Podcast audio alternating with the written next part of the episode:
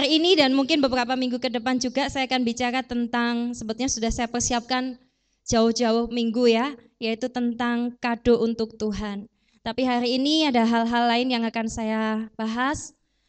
Kalau kita lihat di warta minggu lalu, ya, kalau minggu lalu Bapak Gembala sampaikan tentang bagaimana kita mengalami kasih Tuhan, supaya kita bisa mengasihi Tuhan dengan segenap hati kita, maka kita perlu pertama untuk mengalami, memahami, merasakan meyakini kasih Tuhan. Kalau kita nggak yakin akan kasih Tuhan, tentu kita tidak akan bisa hati kita total ya untuk seseorang itu atau untuk Tuhan. Tapi kalau kita memahami, kita merasakan, kita yakin betul Tuhan mencintai kita, saya percaya keadaan apa pun kita, mau sejelek apa pun kita, mau seberdosa apa pun kita, kita akan selalu bisa kembali kepada Tuhan. Karena hanya Yesus yang bisa menerima kita apa adanya dengan tanpa syarat. Setuju katakan amin? Tapi kalau kita mungkin datang kepada yang lain, datang pada orang tua kita, datang kepada saudara kita, pada pemimpin kita, belum tentu saudaraku mereka memiliki hati seperti Tuhan kita. Sehingga mungkin kita akan kecewa, mungkin kita akan semakin terluka dan lain sebagainya. Tapi Tuhan tidak demikian. Tuhan selalu mencintai kita, selalu ada buat kita ketika kita mau datang kepada Dia. Oleh karena itu saudaraku, juga di warta yang minggu lalu kalau Anda baca, saya uh, saya bahas tentang 4K ya. Apa 4K yang baca warta? Warta minggu lalu ya, jangan dibuka minggu ini enggak ada ya. Minggu lalu 4K, yaitu saya bicara tentang ketaatan, keberanian, kesatuan dan kedewasaan ya. Nanti yang lupa tentang apa itu, bagaimana kita memasuki tahun depan pintu gerbang yang baru, Anda bisa baca. Nah hari ini saya akan lanjutkan lagi bagaimana kita buka di buka, uh, buka dulu ya di kitab Hakim-Hakim tidak usah dibaca karena dari Hakim-Hakim 1 sampai Hakim-Hakim pasal terakhir saya akan ceritakan di situ bagaimana latar belakang yang terjadi teman-teman. Setelah Yosua tiada ya, bangsa Israel mengalami kegalauan yang luar biasa ya mereka setelah Yosua meninggal mereka mulai menyembah yang namanya patung-patung lagi. Mereka mulai melakukan penyembahan berhala lagi. Sehingga pada waktu itu Tuhan terpaksa harus menyerahkan mereka pada musuh-musuhnya lagi. E, mereka dijajah lagi, mereka ditindas lagi oleh bangsa-bangsa Amon, Moab, ya, Midian, Filistin, apalagi ya banyak sekali bangsa-bangsa lain yang menindas mereka bergantian bergantian menindas menindas mereka. Nah setiap kali mereka tertindas Tuhan uh, kirimkan ya hakim hakim ya. Tuhan kirimkan hakim-hakim untuk menghakimi mereka memimpin mereka uh, berperang untuk mereka memimpin pasukan Israel menang ya. Sehingga kalau kalian lihat di kitab hakim-hakim ada banyak hakim-hakim yang ada Salah satunya ada Gideon, Deborah, ya ada Yefta, ada siapa lagi? Coba kita lihat ya, belajar firman Tuhan ya. Sedikit ada Abdon, Elon, siapa lagi Anda temukan? Simpson ya. Dan pada akhirnya zaman hakim-hakim terakhir itu diakhiri oleh yang bernama Samuel ya, yaitu sebelum masa raja-raja Saul dan Daud ya. Itu diakhiri oleh Samuel dan sebelum Samuel di di sebelum Samuel ada hakim-hakim juga yang memimpin bangsa Israel yang bernama Imam Elkana. Eh Imam Elkana, Imam Eli ya, Elkana itu papanya Samuel ya. Nah, hari ini saya akan ini latar belakang dulu ya, Anda harus tahu sejarahnya dulu. Oleh karena itu, bangsa Israel masuk dalam uh, penindasan demi penindasan tahun-tahun yang sangat mengerikan, puluhan tahun mengerikan. Saya tidak bisa bayangkan jika kehidupan kerohanian kita seperti itu, teman-teman. Ketika bangsa Israel, kenapa awalnya mereka mulai tertindas, tertindas, tertindas? Karena ternyata selidik punya selidik. Pada waktu mereka masuk ke tanah Kanaan, mereka tidak menghalau bangsa Kanaan secara tuntas. Itu awal apa ya bencana yang luar biasa di dalam kehidupan bangsa Israel. Ketika kita mau masuk dalam perjalanan bersama Tuhan yang masuk ke tanah perjanjian kita, masuk ke dalam janji-janji Tuhan, masuk di dalam lawatan, masuk dalam hidup yang berkemenangan, jangan lupa kalau kita mau seperti itu teman-teman, haruslah kita menghalau, menghancurkan, menindak habis semua bangsa-bangsa Kanaan atau musuh-musuh, celah-celah apa pun, sekecil apa pun, itu bisa dipakai iblis untuk sebagai pijakan iblis mempermainkan hidup kita. Setuju katakan amin? Amin. Bangsa Israel dipermainkan habis-habisan, mereka tertindas, dibangkitkan lagi pahlawan, tertindas, dibangkitkan lagi. Dan itu berlangsung puluhan tahun, puluhan tahun seperti itu. Mengerikan sekali. Dan satu saat saya temukan ayat ya ketika saya belajar ayat-ayat di dalam kitab Hakim-Hakim. Satu saat Tuhan izinkan, Tuhan biarkan, Hakim-Hakim 3, Tuhan izinkan, Tuhan biarkan ada bangsa-bangsa yang sengaja melawan bangsa Israel. Tuhan bilang gini, dengan tujuan aku biarkan itu supaya mereka belajar berperang. Jadi ternyata selain karena mereka tidak taat sama Tuhan, Tuhan izinkan, Tuhan biarkan karena Tuhan mau tahu hati bangsa Israel ini apakah tetap dengar suaraku mau bertobat atau mereka tetap tidak mau bertobat dan itu akan terus berlanjut. Dan ternyata tidak bertobat. Tuhan izinkan eh, generasi-generasi yang di bawah yang tidak mengalami namanya perang Kanaan ya. Setelah zaman Yosua di bawah yang tidak mengalami itu anak cucu dan cicitnya, mereka dilatih Tuhan. Karena mereka hidup sudah jauh dari Tuhan, tapi ternyata hasilnya tidak ada. Mereka tidak sadar akan didikan Tuhan. Mereka tidak sadar akan peringatan para nabi, para imam tetap tertindas dan buat dosa. Teman-teman, jangan contoh bangsa Israel yang seperti ini ya sehingga masa hakim-hakim ini saya saya katakan ini masa yang sangat kelam. Bahkan zaman Samuel ini masa di mana keadaan bangsa Israel mengerikan. Tidak ada penglihatan tidak ada firman jarang sekali terjadi. Nah teman-teman coba kita buka di dalam satu Samuel. Di tengah masalah bangsa Israel yang seperti itu ya kegelapan bangsa Israel, Anda lihat tadi bagaimana dia ditindas dan lain sebagainya, diuji, dididik tapi gagal terus teman-teman. Tuhan sedang mempersiapkan di dalam antara kitab hakim-hakim dengan kitab 1 Samuel. Tuhan mempersiapkan sebuah cerita cinta yang luar biasa, tapi tidak saya bahas hari ini, yaitu kisah cinta Ruth dan Boas. Ruth dan Boas itu terjadi di tengah-tengah saat bangsa Israel mengalami zaman hakim-hakim itu. Zaman di mana mereka jauh dari Tuhan, tidak kenal Tuhan. Tuhan kirimkan mereka begitu lagi tertindas, tertindas di penjara hidup mereka sungguh terbelenggu. Ya, saat kita mau bangkit jatuh lagi, bangkit jatuh lagi, bangkit jatuh lagi. Itu saat-saat yang sangat mengerikan. Tapi di tengah-tengah bangsa Israel seperti itu Tuhan menyisipkan sebuah kisah yang tercatat dalam sejarah kisah Rut dan Boas. Kelihatannya kisah cinta yang sederhana, ya. Saya suka kisah cinta, tapi hari ini Tuhan tidak suruh saya bahas ini. Tapi di situ saya lihat bagaimana tangan Tuhan tetap bekerja walaupun semua keadaan begitu kacau. Tuhan tetap bekerja di balik layar, di balik yang tidak terlihat oleh bangsa Israel yang besar. Tuhan sedang membentuk kisah Boas dan Ruth. Siapa mereka? Anda bisa lihat bagaimana ketika Tuhan menuntun Ruth dan Boas, Naomi ya Anda lihat kisahnya, sampai akhirnya dari keturunan da, uh, Boas dan Ruth lahirlah yang namanya Obed. Ya, dan Obed itu adalah kakek dari raja yang sedang Tuhan akan pilih nanti, Daud. Tapi itu masih disembunyikan. Mungkin waktu itu Obed masih kecil, masih bayi, bersama dengan ayahnya, dengan ibunya. Enggak, enggak ngerti lah tentang hakim-hakim apa. Tapi Tuhan ternyata, Anda bisa lihat sisi lain dari firman Tuhan ini. Tuhan persiapkan sesuatu yang dahsyat, walaupun kita enggak melihatnya. Dan setelah, setelah itu Tuhan persiapkan lagi itu kisah Rut, kisah beda. Ini Tuhan persiapkan lagi di tengah-tengah bangsa Israel seperti ini. Tuhan tidak selalu kehilangan cara untuk menolong bangsa Israel. Inilah saatnya Tuhan membangkitkan seorang nabi, seorang imam menurut hati Tuhan sendiri. ya, Yaitu yang bernama Samuel. Dan inilah hakim-hakim terakhir pada waktu perjalanan bangsa Israel. Nah kita akan lihat hari ini. Saya rindu untuk menyampaikan tentang Samuel. Ayo kita buka satu Samuel.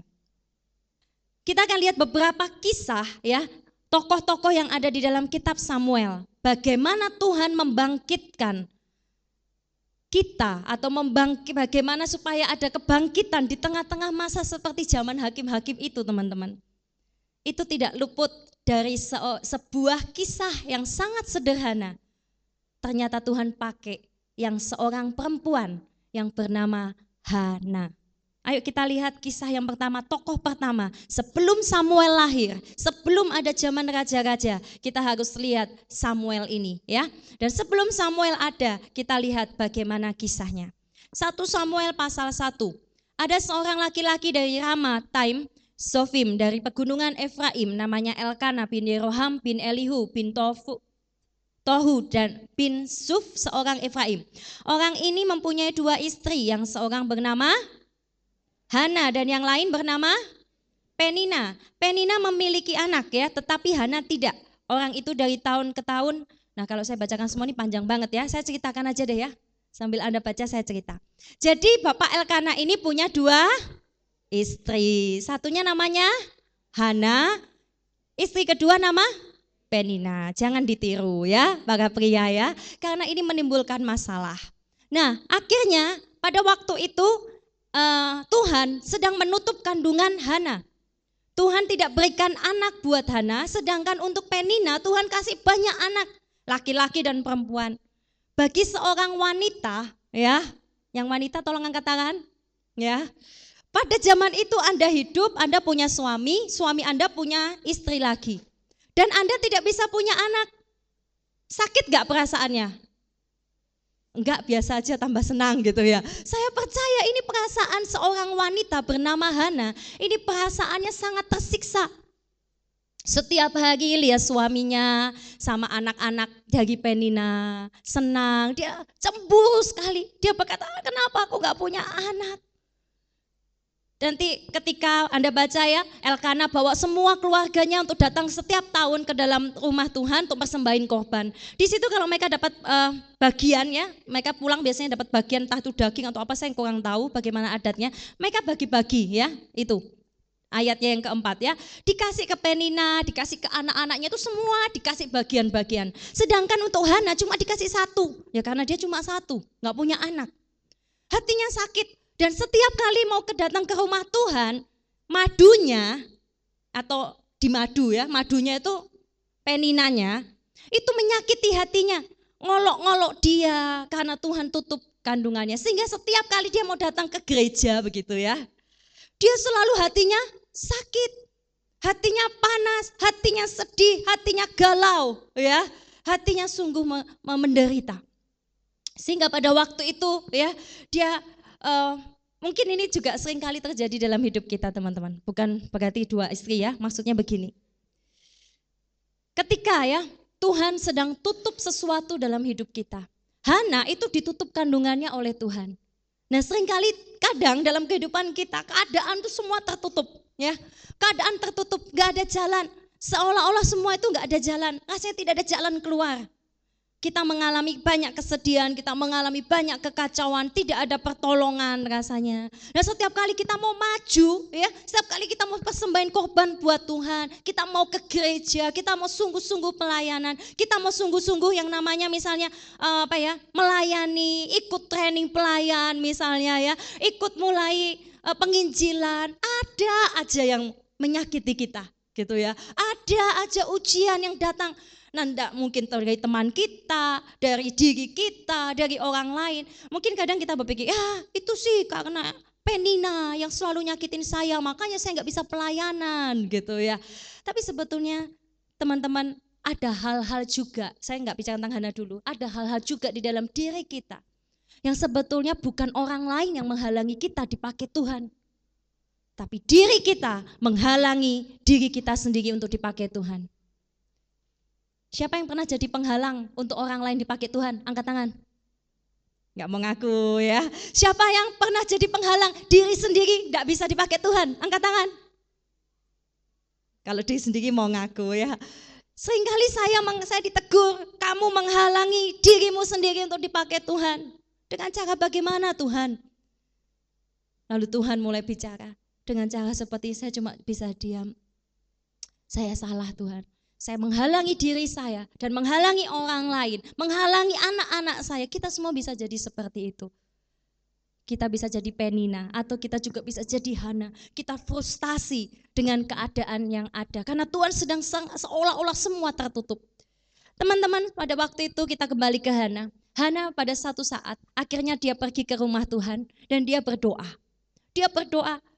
Tapi sebelum dia berdoa teman-teman, dia ada satu ayat coba kita eh, baca ya. Ayat yang ketujuh. Pasal 1 ayat yang ketujuh, demikianlah terjadi dari tahun ke tahun. Setiap kali Hana pergi ke rumah Tuhan, Peninya menyakiti hati Hana. Sehingga ia menangis dan tidak mau makan ya. Wanita biasa begitu ya. Sekalian diet ya katanya. Lalu Elkana suaminya berkata kepadanya, ayo baca. Hana, ya mengapa hatimu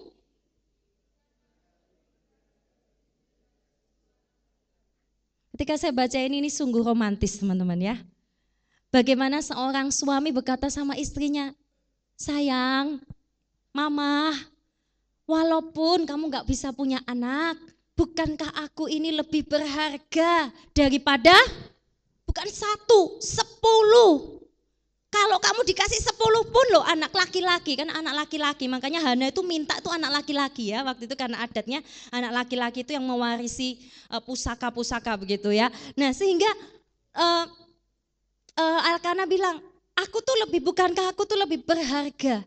Cintaku padamu itu lebih berharga dari sepuluh anak laki-laki.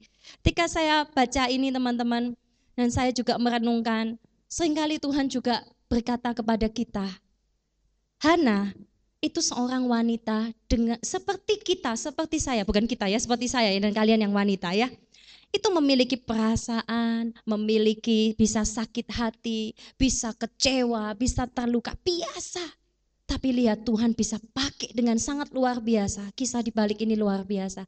Hana menginginkan anak laki-laki. Dan itu satu-satu keinginannya dalam hidupnya. Satu keinduan impiannya yang paling besar buat Hana. Itu hanya punya anak. Ya walaupun kelihatannya nggak rohani ya. Tapi kalian tahu itu Tuhan bisa pakai. Dia impiannya cuma satu. Tuhan punya anak, punya anak. Kalau enggak aku rasanya mau mati Tuhan. Malu rasanya. Tersakiti, malu di depan tetangga-tetangga gitu ya. Pokoknya anak Tuhan. Seringkali kita begitu sama Tuhan. Kita punya keinginan. Siapa sih yang enggak punya mimpi? Saya punya impian, Anda punya impian. Apa impianmu yang paling kamu ingin nih? Ya, entah itu mungkin kamu pingin jadian sama koko koko itu, koko koko X gitu ya. Jangan koko koko ya, satu aja kokonya, koko X gitu ya. Atau pingin jadian sama meme Y gitu ya akhirnya jadi XY gitu ya matematika. Pingin banget Tuhan, kepingin Tuhan, kepingin. Aku membayangkan Andaikan aku duduk di sebelah koko X itu Tuhan di gereja. Andaikan aku bisa bergandeng tangan dengannya walaupun hanya kelingking gitu ya. Janjian gitu ya. Oh Tuhan andaikan aku bisa pulang gereja Tuhan. Setelah itu ada yang taktik aku jalan-jalan. Tidak seperti aku sekarang Tuhan pulang gereja di rumah kesepian nonton TV. Tuhan sakno hidupku Tuhan gitu ya. Kepingin banget Tuhan gitu ya. Apa impian kita? Mungkin impian, impian-impian yang lain. Hana punya impian anak. Atau mungkin Anda yang belum menikah atau sudah menikah pingin punya anak gitu ya. Anak angkat atau kandung gitu. Oh pingin Tuhan punya anak gitu ya. Lucu menyenangkan. Lihat Fania yang gemuk yang lucu itu. Tuh Tuhan gitu ya. Pingin tak uel-uel gitu ya. Kemungkin hasrat-hasrat kita yang tersembunyi orang lain gak tahu, tapi Tuhan tahu kita punya keinginan. Tidak dosa teman-teman kita punya keinginan. Tapi mari kita belajar seperti Hana. Dan apa yang terjadi ketika Hana melakukan sesuatu yang luar biasa mengubah sejarah Israel dari seorang wanita biasa. Tuhan berkata sama saya sering juga dan mungkin berkata sama kita, apakah aku tidak lebih berharga dari semua yang kau inginkan? Betul? Apakah kalau Elkana bisa bilang begitu sama Hana, tidakkah Tuhan lebih lagi dia berkata sama kita, Hai, siapa? Siapapunlah namamu ya. Bukankah aku lebih berharga dari sepuluh koko X? Dari seribu meme Y gitu ya. Bukankah aku lebih berharga dari seribu mobil yang kau impi-impikan setiap malam? Bukankah aku lebih berharga dari apa misalnya? Nilai mu A A A plus seribu nilai A plus gitu ya.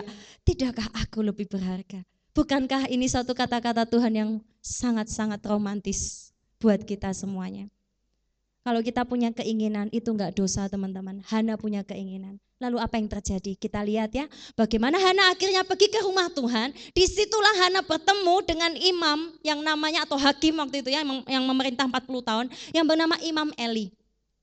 Hana doa, dia nangis karena sudah nggak tahan. Dia nangis terseduh-seduh dan ngomat kamit ngomong mulut oh Tuhan. Nggak bahasa roh ya, tapi ngomong Tuhan hatiku sakit Tuhan, aku pengen punya anak. Kalau aku punya anak Tuhan, Hana bilang laki-laki Tuhan, satu laki-laki Tuhan. Aku akan kasih anakku itu ke, ke engkau Tuhan. Dia ngomong pelan tapi komat kamit. Dia bernasar sama Tuhan. Lalu si Imam Eli yang sedang duduk lihat-lihat ini ada perempuan ngomong dari tadi nangis komat kamit. Dia pikir mabuk begitu ya. Imam Eli ini imam yang luar biasa ya. Dia ini nggak punya pembedaan roh sudah gemuk, suka mencuri uh, daging atau apa persembahan milik Tuhan, punya anak-anak juga enggak beres hidupnya. Ini seolah-olah pendeta gagal zaman sekarang gitu ya. Sudah kaya raya, gemuk, menggemukkan diri, curi persembahan, anaknya enggak beres. Anaknya Hofni Pinehas, itu yang pertama, kalau lagi ada korban daging dimasak, lemaknya itu kan untuk Tuhan, ini lemak belum ada, dia sudah cukil dengan garpu dimakan. Bayangin, Gak sopan kan? Sama seperti mungkin persembahan, mungkin waktu khotbah seperti ini ya. Lalu Anda misalnya Felix langsung langsung tiba-tiba ambil edaran gitu ya, ayo, ayo persembahan persembahan gitu ya. Lalu dipek di kantong sendiri, ya, seperti itu nggak sopan gitu ya. Sangat nggak sopan sekali. Dan kalau nggak mau, Anda tahu lihat baca ayatnya, itu pakai kekerasan Hofni Penehas, dua pria. Pakai kekerasan, dia bilang kalau kamu nggak mau kasih aku sama bujangnya ya, aku akan ambil dengan kekerasan. Nggak itu aja, mereka curi persembahan. Lalu apa? Mereka tidur dengan pelayan-pelayan Tuhan. Tidur dengan perempuan maksudnya, bukan tidur biasa ya. Tidur, berbuat cabul, berbuat zina dengan perempuan-perempuan penjaga kemah. Lo bayangkan. Jadi ketika dia ke gereja, lihat ih cewek asyirnya kok cakep ya. Penjaga asyir gitu ya. Ih WL-nya tadi Dona, oh, cakepnya manisnya luar biasa ya. Disimpan dalam hati. Lalu nanti pulang dirayu. Habis pulang ibadah dirayu. Ini Hofni Penehas anak pendeta. Dirayu. Don don makan yuk. Ayo kita. Akhirnya dan lain sebagainya ya. Anda bisa lanjutkan cerita yang mengerikan. Itu terjadi setiap tahun setiap waktu. Kayak gitu terus. Bayangkan track record dari uh, Imam Eli ini bukan baik loh. Buruk banget dan ini satu-satunya uh, satu-satunya imam yang ini imam kepala yang menjaga tabut perjanjian kayak gini. Im, tabut perjanjian waktu itu ada di Silo ya di kota Silo di. Dan itu tempat Imam Eli dan dia jadi im, hakim selama 40 tahun atas bangsa Israel. Hakimnya aja kayak begitu. Nah saya percaya si Hana wanita ini dia tahu persis Imam Eli itu seperti apa loh. Tapi dia waktu itu dia jawab dengan sopan, dia nggak marah dasar imam gendut, nggak tahu ya aku lagi nangis gitu ya. Aku ini lagi sedih tahu gitu ya, nggak punya anak gitu ya. Kamu itu kok bilang saya mabuk, kamu itu apa orang tua nggak tahu diri gitu ya. Dia nggak seperti itu. Dia nggak marah ketika Imam Eli berkata, kamu kenapa kok seperti mabuk, hentikanlah mabukmu itu. Lalu Hana berkata dengan sopan, Tuanku, saya ini tidak mabuk, saya ini hatiku lagi pedih, anak saya ingin punya anak begini, begini, begini, dijelaskan. Akhirnya Imam Eli berkata, ya hanya sekedar ngomong mungkin ya, namanya orang imam yang belum apa yang mungkin sudah kehilangan urapan gitu ya. Tapi Tuhan masih terpakai loh. Ya sudahlah, kamu pulang oh nanti dapat anak. Cuma ngomong gitu. Lu bayangkan tapi Hana percaya omongannya si Imam Eli yang seperti itu. Hatinya tidak muram lagi, dia sukacita dan dia yakin dia bisa punya anak, dia pulang makan. Kalau Anda dikasih nubuatan sama hamba Tuhan model seperti ini, kira-kira percaya? Kira-kira nggak percaya, bahkan Anda akan takut jangan-jangan anaknya nanti ngapa-ngapain kamu gitu ya. Tapi ini, ya Hana ini luar biasa. Dia tidak melihat yang namanya bagaimana profesi orang itu, bagaimana apa ya pelayanan dari hamba Tuhan ini. Tapi dia cuma datang sama Tuhan sungguh-sungguh. Dia tidak lihat kepada hamba Tuhannya. Walaupun kadang hamba Tuhan itu mengecewakan, ya Imam Eli. Kadang kita memang butuh ya orang lain seperti Hana, cerita mungkin isi hati, tapi dia tidak lihat manusianya itu. Hatinya sudah melekat sama Tuhan dulu. Kenapa saudaraku? Nanti kita bisa kecewa. Tuhan itu tidak pernah mengecewakan kita. Dia tuh selalu tahu cara yang timing yang tepat mengasihi kita, mendidik kita, marah sama kita, menghajar kita, itu tahu yang terbaik untuk kita. Setuju? Amin? Amin. Kita lanjutkan. Nah, setelah itu Hana pulang, lalu akhirnya dia punya anak. Setahun lagi dia punya anak ya. Dan setelah itu akhirnya betul dia punya anak dan dia memberikan si Samuel kecil yang dikatakan firman Tuhan, Samuel ini masih sangat kanak-kanak masih sangat kanak-kanak. Mungkin sekitar usia kalau kanak-kanak itu ya dua tahun, tiga tahun ya. Dua, tiga tahun, empat tahun. Masih sangat kecil. Itu sudah dikasih ke ke Imam Eli tadi. Lah bayangkan kamu punya satu-satunya anak yang paling kau sayangi, lalu kamu punya Nasar. Kamu kasih ke Imam Eli. Imam yang model kayak tadi itu tadi. Yang didik anak dua aja nggak bisa, dua, dua pria. Ini mau dikasih satu anak masih bayi. Tidak seorang pun orang tua yang rela sebetulnya, betul? Karena nggak bisa, itu masa emas kalau katanya guru CMC School, ya. Itu usia emas. Kalau seperti dididik kayak apa ya jadilah begitu. Tapi Hana punya penyerahan yang luar biasa. Saya belajar dari Hana, saya terkagum-kagum sekali. Kok bisa? Tapi lihat dari hasil apa yang dibuat Hana, Tuhan pakai satu buah pertamanya dia ketika dia berikan semua itu untuk Tuhan. Samuel yang paling dicintainya, yang paling diidam-idamkannya, itu diberikan ke Tuhan. Apa yang terjadi? Samuel menjadi nabi besar. Nabi yang mengurapi, imam yang mengurapi raja-raja. Menjadi apa ya, nabi yang Tuhan pakai luar biasa. Karena apa? Dari Hana ketaatan Hana. Dia bernasar. Nah saya mau singgung sedikit. Pernahkah Anda bernasar sama Tuhan? Jangan coba-coba tidak menetap, menepatinya. Saya cek-cek diri saya, apa nasar saya, apa janji saya, apa kalau Anda belum beri itu untuk Tuhan, saya percaya hidup saya, hidup Anda tidak akan pernah tenang. Apa yang kau janjikan kepada Tuhan, itu Tuhan tidak pernah lupa. Tapi Tuhan juga tidak pernah lupa apa yang sudah engkau berikan itu nggak sia-sia loh. Mungkin Hana berpikir begini, belum tentu loh aku bisa punya anak lagi, betul? Dia mungkin bisa berpikir kalau Anda jadi Hana, saya bisa berpikir ini satu anak saya pingin ini, saya kasih ke imam seperti itu, saya sudah janji, sudah kadung janji, mau tidak mau kasih sama Tuhan. Belum tentu. Hana mungkin berpikir, dapat satu aja susah sekali. Ya mungkin kalau dia ke dokter, saya nggak tahu apakah ada dokter kandungan gitu ya. Dia nggak cek dulu. Kalau ah, dokter berkata bisa punya anak, dia bisa kasih ah nggak apa-apa lah, nanti bisa punya anak lagi. Dia nggak ada dokter kandungan. Dia nggak tahu apa dia bisa punya anak lagi, pokoknya kasih. Penyerahan total Hana sungguh menyentuh hati Tuhan. Oleh karena itu Tuhan kasih Samuel kepada Hana. Tapi setelah itu jangan lupa, ya setelah mereka berdua Elkana dan Hana datang, Imam Eli lagi ngomong, kalau kamu sudah kasih anakmu itu kepada Tuhan, kamu dikasih nanti punya anak lagi. Benar, punya anak lima akhirnya. Jadi akhirnya kalau ada pertanyaan kuis Alkitab, berapa adik Samuel? Anda bisa jawab ya. Berapa adiknya Samuel? Lima. Ya, berapa anak Hana? Enam berarti ya. Jadi akhirnya Tuhan kasih banyak anak. Tapi buah sulungnya ini yang dilihat Tuhan. Luar biasa. Nah teman-teman coba kita lihat ya. 1 Samuel pasal yang ke 11. Eh pasal 11, pasal 2 ayat yang ke-11. Kita lihat setelah Imam Eli, kita pindah dulu ya kepada anak-anaknya. Dari Hana, Imam Eli kita lihat anak-anaknya. Anak-anaknya tadi seperti itu. Coba lihat ayatnya yang ke-21. Eli telah sangat tua Apabila didengarnya segala sesuatu yang dilakukan anak-anaknya kepada semua orang Israel dan bahwa mereka itu tidur dengan perempuan-perempuan yang melayani di depan pintu kemah pertemuan, berkatalah ia kepada mereka, "Mengapa kamu melakukan hal-hal yang begitu sehingga aku dengar dari segenap bangsa ini tentang perbuatanmu?" Jadi ini uh, aibnya sudah sampai seluruh bangsa Israel tahu ya. Janganlah begitu anak-anakku, bukan kabar baik yang kudengar itu bahwa kamu menyebabkan umat Tuhan melakukan pelanggaran.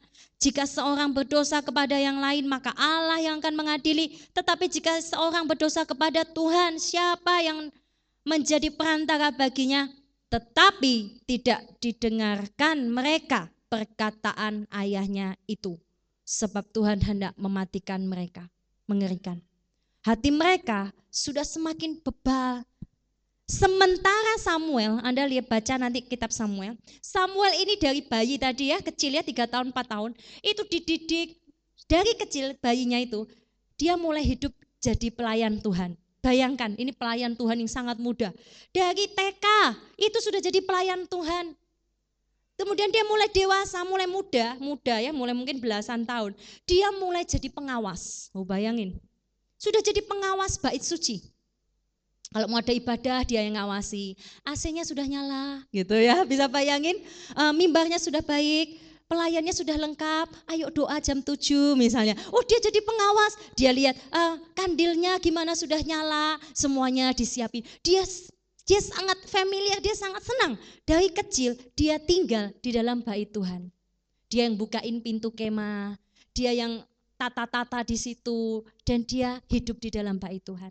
Sedangkan dia mulai bertumbuh, mulai bertumbuh dan firman Tuhan katakan dua kali, dia semakin besar, semakin besar, semakin dikasihi Allah dan dikasihi manusia.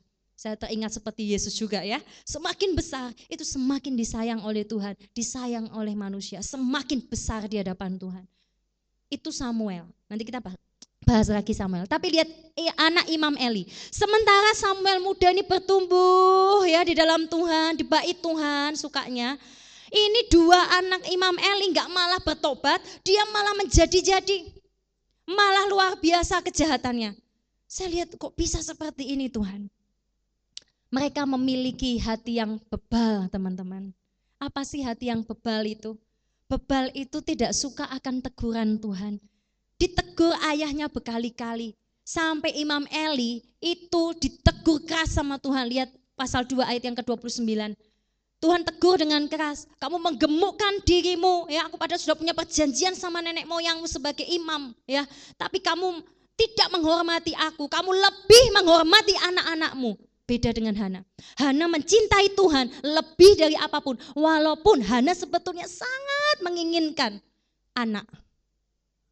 Tapi lihat Imam Eli. Imam Eli lebih menghormati anak-anaknya daripada Tuhan.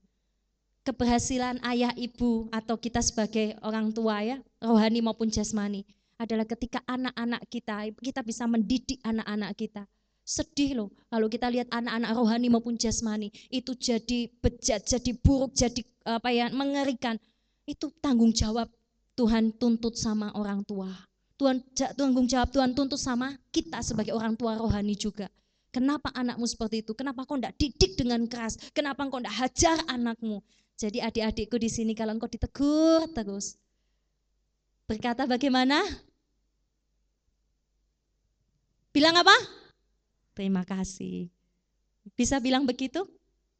Coba kasih senyum sama pembimbing-pembimbing di sebelahnya kalau ada ya.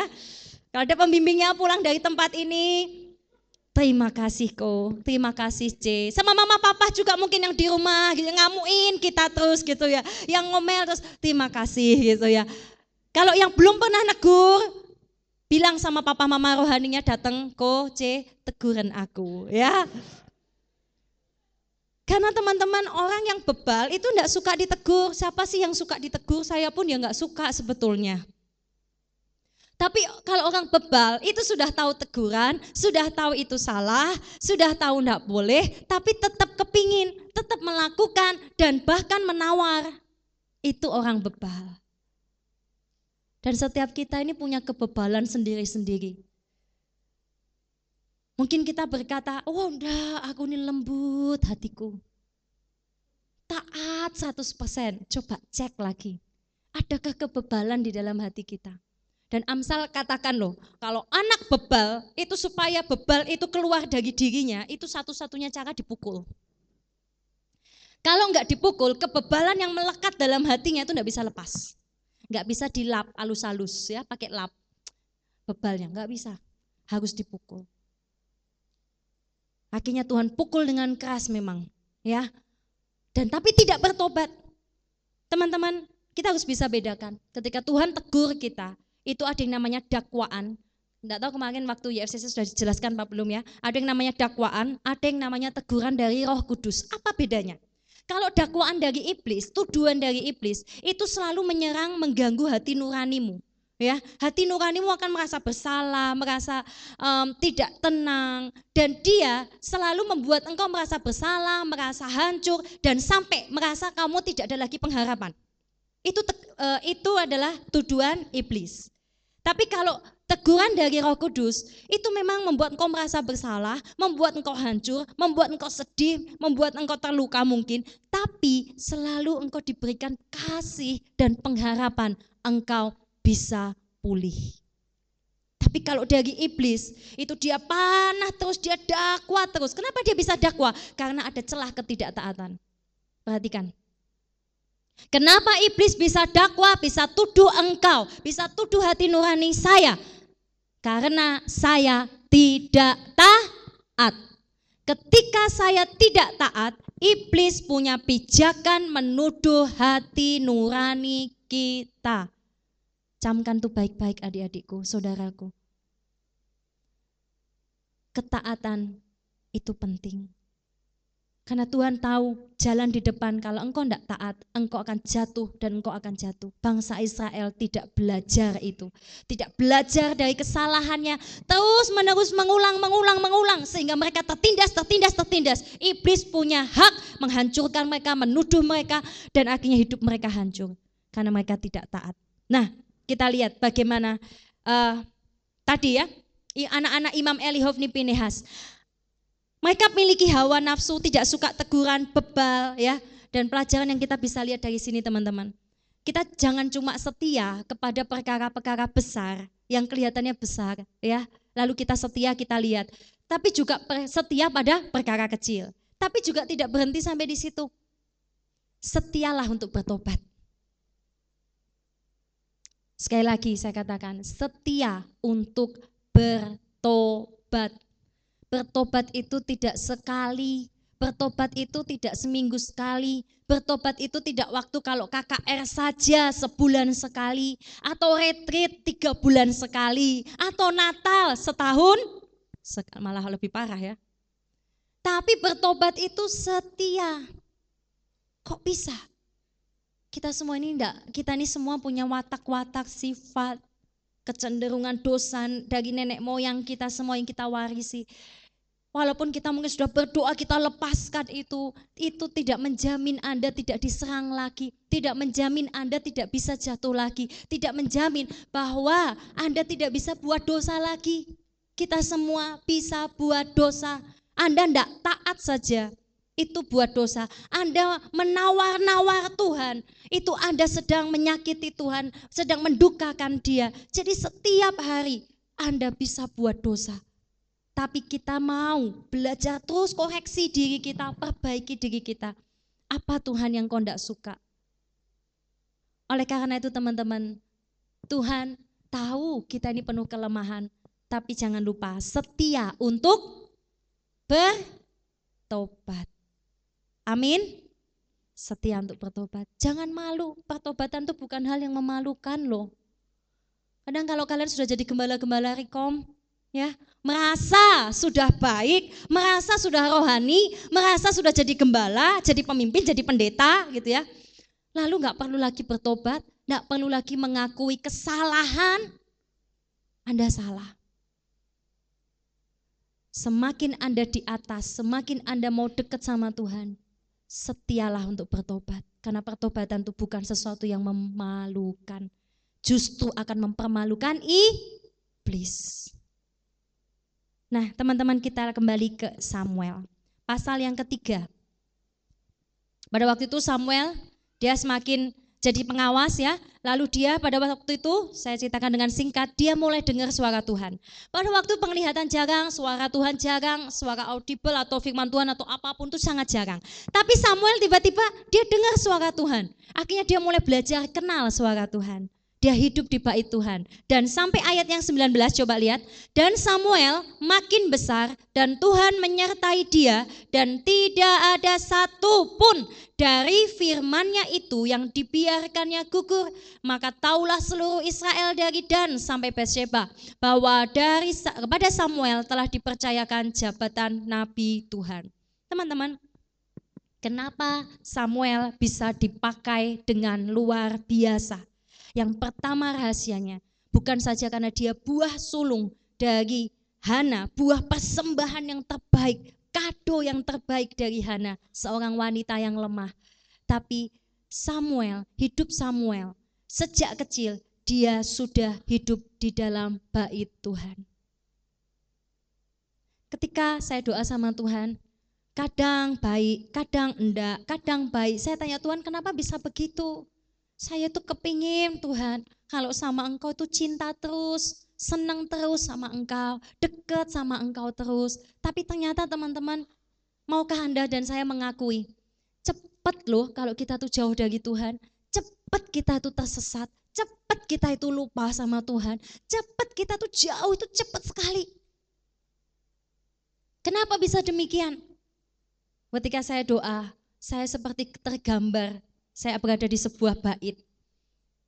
Tapi ternyata sering kali saya sendiri pun teman-teman, sering kali suka melihat yang lain. Ini yang membuat Anda nggak bisa hidup di dalam hadirat Tuhan. Kalau seperti Samuel ya, atau mungkin bayangkanlah saya di dalam bait begitu ya. Kita intip-intip kemahnya dibuka, Ih, enak ya itu bangsa apa itu, misalnya suku FHM, ih suku FHM di sana ngapain ya? Main-main ya anak-anaknya. Wih kepingin aku main tuh kelereng, main apa gitu ya. Dia keliling ke sana. Dia lihat lagi, ih itu suku apa itu tinggal di sebelah sana di dekat kemah. Dia keliling lagi. Bisa bayangkan? Bisa ngerti maksud saya? Dia suka menengok-nengok yang lain. Suka lihat kehidupan-kehidupan yang lain. Demikian juga kita. Kita nggak akan pernah bisa bertumbuh, tertanam di dalam hadirat Tuhan menjadi besar seperti Samuel dan dipakai Tuhan dengan luar biasa. Kalau Anda suka-suka dalam keluar, dalam keluar, dalam keluar. Tak bisa. Saya ternyata sering seperti itu. Anda mungkin seperti itu. Sehari senang sama Tuhan. Sehari senang jalan-jalan dan lihat lain lupa sama Tuhan. Sehari senang sama Tuhan lagi kembali. Besoknya lagi nanti suka sama apa lagi. Lihat eh, itu apa ya, eh itu apa ya. Kok enak ya hidup orang itu lebih dari aku. Enak ya kita iri, kita cemburu. Enak itu yang hidup di luar sana. Enak. Tidak di dalam bait kayak aku dikungkung sama Tuhan, dikurung gitu ya. Akhirnya Anda tidak akan pernah bisa menikmati indahnya di bait Tuhan. Tangkep maksud saya? Anda kalau baca kitab Yeskiel, ini sudah sering dikotbahkan. Ada air yang dari apa itu? Mata kaki, lutut, kemudian pinggang, dada tenggelam, ya. Nah, sering kali kita itu sukanya itu berada di mungkin ya kalau Kristen yang awal-awal sukanya di mata kaki, ya. Mata kaki itu paling enak tuh. Kenapa? Anda suka ecek-ecek. Apa itu bahasa Jawanya? Ecek-ecek ya. Apa tuh? Kalau main di air tuh loh ya, saya enggak bisa renang teman-teman ya. Bukan rahasia lagi, ecek-ecek apa sih? Ya itulah. Saya suka gitu, kalau lagi nggak pingin nyemplung, nggak pingin basah semua ya pokoknya ada air, saya main aja dengan mata kaki ya. Main cuci-cuci di situ ya. Kalau sudah kedinginan ya keluar ya. Nah, tapi kalau saya lagi kepingin sedikit belajar renang, saya akan mulai turun ke lutut mulai turun ke lutut di kolam anak ya. Ya paling apa angkat-angkat celana sedikit lah ya, pengorbanan basah-basah sedikit. Tapi kalau saya ingin benar-benar mau latihan, saya harusnya nyemplung ya. Nyemplung dan kalau sudah nyemplung mau latihan tuh biasanya langsung segini. Betul? Kemarin waktu kapan tuh itu ya?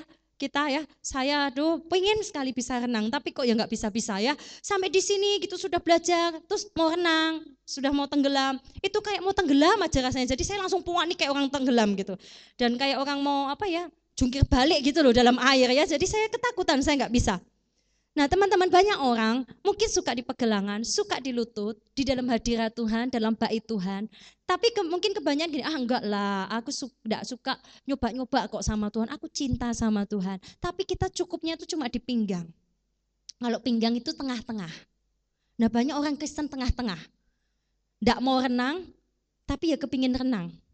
Seperti saya ya. Takut renang tapi ya kepingin gitu ya. Tapi kalau sudah bisa nyelam, saya lihat kalau teman-teman nyelam tuh kok enak gitu ya di dalam air nyelam gitu ya, enggak nginjak bumi gitu ya. Kok enak gitu ya, ngawang-ngawang gitu ya. Ya mungkin seperti itulah.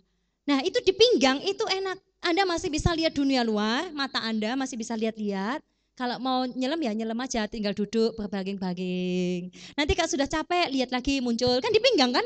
Gampang aja lihat lagi, halo, halo gitu ya, tebak-tebak pesona dulu sama dunia ya, dada-dada dulu, nanti kalau sudah capek tidur lagi. Nah sering kali kita orang Kristen seperti ini. Banyak suka yang tengah-tengah. Tapi kalau Anda sudah sampai ke sini, teman-teman dada, Anda akan lebih susah lagi ya. Apalagi kalau sudah tenggelam, dibawa oleh Tuhan. Nah sering kali kita tenggelamnya tuh juarang sekali. Karena apa sih? Sekali lagi, kita keluar masuk bait Tuhan. Bukan berarti saya suruh Anda 24 jam di gereja terus ya. Artinya hidup kita benarkah ada di dalam hadirat Tuhan. Samuel hidup di dalam hadirat Tuhan. Itu yang menjaga hatinya, itu yang menjaga hidupnya. Kalau Anda mau dijaga hatimu, dijaga hidupmu, jaga pikiranmu, mungkin masih ada peperangan. Tapi engkau akan tetap terlindungi di dalam hadirat Tuhan. Saya mau belajar. Siapa yang mau belajar? Angkat tangan yang tinggi, kasih tos, sama-sama belajar ya. Jadi beberapa yang sudah kita pelajari ya tentang Hana, tentang penyerahan, bagaimana hanya menyerahkan Samuel, apa yang paling diinginkannya untuk menjadi persembahan buat Tuhan ya. Nah, sehingga persembahan yang diberikan untuk Tuhan itu tidak pernah Tuhan kecewakan. Tuhan pakai persembahan. Mari kita tutup mata kita ya, kita renungkan firman Tuhan. Tuhan bisa pakai persembahan yang kita berikan kepada Tuhan untuk menjadi korban persembahan bagi bangsa bagi kota, bagi sesuatu yang sangat besar.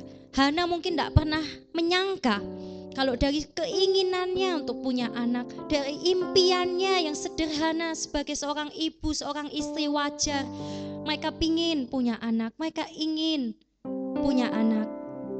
Mungkin dari keinginan yang sangat wajar, alami dari seorang manusia. Anda ingin dicintai, Anda ingin diperhatikan, Anda ingin sesuatu yang tampaknya itu wajar buat manusia.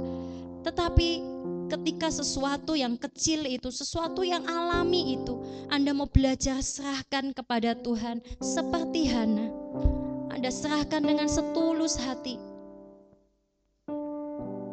Maka Tuhan bisa pakai itu untuk perkara-perkara yang sangat besar. Mungkin saya belum bisa jadi seperti Hana. Mungkin Anda belum bisa jadi seperti Hana. Tapi mari kita mau belajar. Firman Tuhan ada untuk mengajari kita. Firman Tuhan ada untuk menuntun kita. Setia untuk bertobat. Jangan seperti anak-anak Imam Eli. Setia untuk bertobat. Jangan malu untuk bertobat. Jangan malu untuk mengakui kesalahan.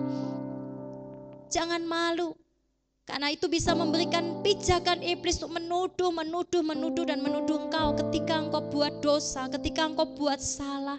Mungkin kau merasa Tuhan kenapa terus menerus seperti ini? Kenapa Tuhan aku tidak berubah? Kenapa Tuhan keadaan tetap sama? Semua tertutup, semua tidak ada jalan. Tapi bagi Tuhan selalu ada jalan. Bagi Tuhan tidak ada yang tidak mungkin.